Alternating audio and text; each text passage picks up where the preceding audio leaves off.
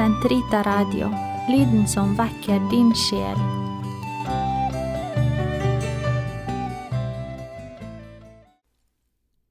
Lovet være Jesus Kristus, og hjertelig velkommen til denne episoden av Crux Sacra katekese for konfirmanter og unge voksne. Vi har nå gjennomgått de syv sakramenter i tur og orden. Sakramentene er dåpen, fermingen, eukaristien, skriftemålet, sykesalvingen, ordinasjonen og ekteskapet.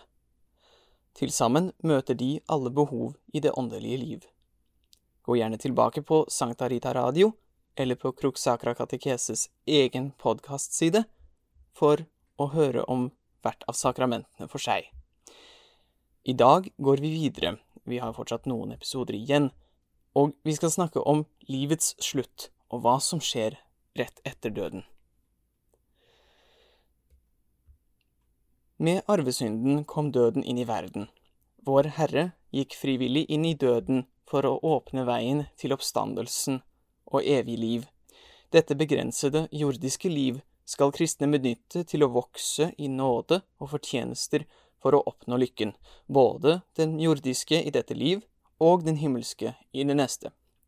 Sakramentene, bønn og etterlevelse av Guds bud er de uunnværlige og viktigste midlene vi har til å motta, bevares i og vokse i Guds nåde. Det er dette liv mennesket har blitt gitt for å vokse i salighet.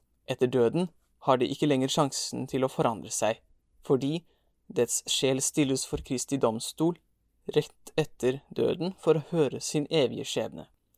De som levde og døde langt borte fra Gud, skal være det i all evighet, og de som levde og døde nær ham, skal tilbringe evigheten i hans nærvær. Det første spørsmålet vi stiller, er hva er død? Død er kroppens og sjelens adskillelse.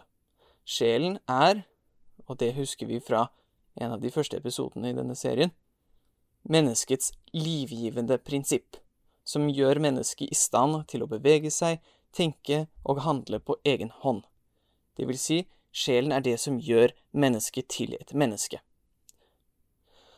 Så hva er det som forårsaker døden? Død forårsakes av kroppens nedbrytning, av at de ulike delene ikke holdes sammen som de skal av sjelens virke. Alle ting som består av ulike deler, avhenger av at en kraft holder dem i riktig stilling, fordi de uten den riktige ordenen vil skilles fra hverandre og ødelegge helheten, de vil stoppe å samarbeide. Hvis man for eksempel ikke stadig passer på å vedlikeholde en stor maskin ved å erstatte ødelagte deler, for eksempel, ved å pusse dem, ved å olje dem, og passe på at de er på akkurat riktig plass, så vil den etter hvert bli ødelagt. Det vil slutte å være en hel maskin. En bil, for eksempel, vil slutte å fungere etter hvert. En telefon vil slutte å fungere. Fordi det krever stor presisjon og stadig opprettholdende aktivitet for å passe på at delene samarbeider og utgjør den helheten vi ønsker. Likedan vil mennesket, som består av mange ulike deler, slutte å være et helt menneske dersom det organiserende prinsippet, altså sjelen, ikke har fullstendig kontroll over enhver av delene tilstrekkelig. Denne nedbrytningen motvirkes av rett bruk av kroppen og danning av gode og sunne vaner, som eksempel et godt kosthold, søvn, frisk luft og mosjon, og denne nedbrytningen fremskyndes ved det motsatte av disse. Død inntreffer når nedbrytningen har gått så langt at de essensielle funksjonene opphører, liksom maskinen eller bilen eksempel slutter å være en maskin når bilens motor er ødelagt. Sjelen forlater kroppen når denne nedbrytningen har ødelagt de essensielle funksjonene. Er død naturlig? Ja, død er naturlig fordi kroppens fullstendige lydighet til sjelen, det vil si at kroppens deler gjør nøyaktig det som trengs for å være en helhet, at de alltid oppfører seg sånn som de skal. Eh, kroppens fullstendige lydighet til sjelen i samsvar med menneskets hensikt er umulig å oppnå hvis mennesket handler alene. mennesket som en begrenset og sammensatt ting, vil etter hvert opphøre på naturlig vis. Men betyr det at død var en del av Guds skaperverk og ønske for mennesket fra begynnelsen av? Nei, det betyr det ikke, fordi ved sin nåde bevarte Gud de første menneskene fra død. Han bisto og understøttet mennesket og tillot kroppens perfekte lydighet til sjelen, i samsvar med rett fornuft og Guds vilje. Når da mennesket handlet i samsvar med sin hensikt hele tiden, skjedde heller ikke den gradvise nedbrytningen som kommer av uriktig og dårlig ordning i menneskets sjel og legeme, misbruk eller uhensiktsmessig bruk av menneskets evner. Og derfor kom ikke død inn i verden. Er død da en straff for Adams og Evas synd som gjaldt dem og deres avkom? Ja, det er den. Da Adam og Eva fritt valgte å trosse Guds lov, trakk Gud tilbake den nåden han hadde bevart dem i, og bevart dem fra død med. Deres barn ble også født uten denne nåden, siden den ikke er i mennesket av natur, men var Guds frie gave. Vi, deres barn, er derfor også underlagt dødens lov. Er det dette, altså dødens lov, som Kristi korsoffer løser de troende fra? Nei, alle mennesker født i arvesynd kommer til å lide den naturlige død, enten de har mottatt Kristi nåde eller ei. Så hva oppnår Kristi nåde for oss da? Kristi nåde, opptjent for oss på korset, løser de som varer ved i den, fra evig fordømmelse og straff, uten synet av Gud, og det løser dem til en herlighetsfull oppstandelse, hvorved de får tilbake sine legemer i en herliggjort tilstand, og til evig tid skal betrakte Guds vesen i det salige syn. Det er et løfte om at døden ikke varer evig, og at det jordiske livet skal vike for et fullkomment, lykkelig himmelsk liv, dersom vi stoler på Gud og tar imot ham. Hvorfor er det da viktig å dø i Guds nåde? Fordi man etter døden ikke er i stand til å forandre ens forhold til Gud på godt eller vondt. Man er ikke lenger i stand til å tilegne seg eller avskaffe gode dyder eller slette laster. Ved døden fastlåses viljen i sin nåde og dyd, eller i sin synd og last.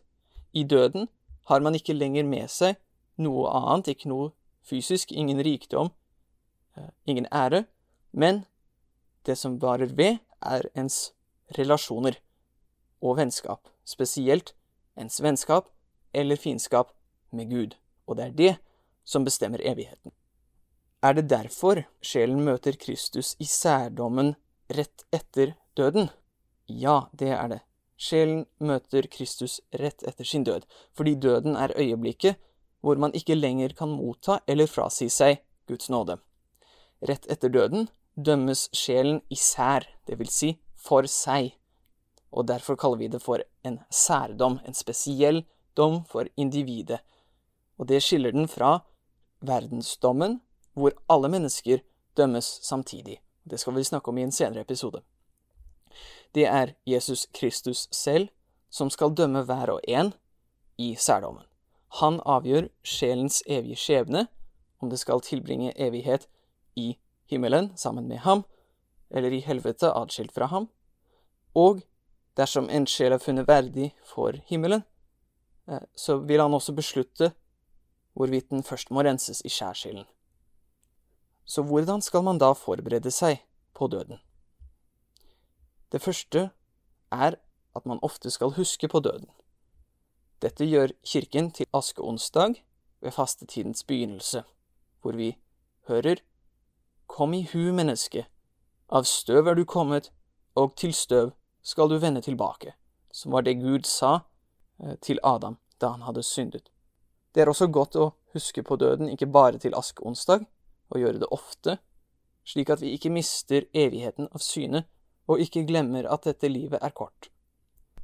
Det gir en ydmykhet og en konsentrasjon om det himmelske når vi husker at vi er skrøpelige og en dag skal dø. Tanken på særdommen, som følger rett etter døden, hvor vi skal stå foran menneskesønnen og svare for alle våre handlinger mot Gud, mot vår neste og mot oss selv, det driver oss til anger, til bot og til omvendelse. Det gir oss en frykt for Gud, og minner oss om at livet er til for Gud, for å tjene Gud og intet annet. Et liv i kirkens tro og sakramenter, et godt bønneliv og utøvelse av gode gjerninger i kjærlighet til Gud og menneske, vil gi stor sikkerhet og ro, slik at vi ikke trenger å frykte døden, men kan være beredt på å møte Gud, vitende om at vi har tatt imot Hans kjærlighet og fulgt ham i tillit og i troskap. Jeg takker dere for at dere lyttet til denne episoden av Crux Sacra katekese for konfirmanter og unge voksne. Neste gang skal vi se videre på livet etter døden og på verdens ende. Og jeg håper dere lytter neste gang. For ettersom døden kom ved ett menneske, så er også de dødes oppstandelse kommet ved ett menneske. For like som alle dør ved Adam, skal de alle bli gjort levende ved Kristus. Alleluja. I Faderens og Sønnens og Den hellige ånds navn.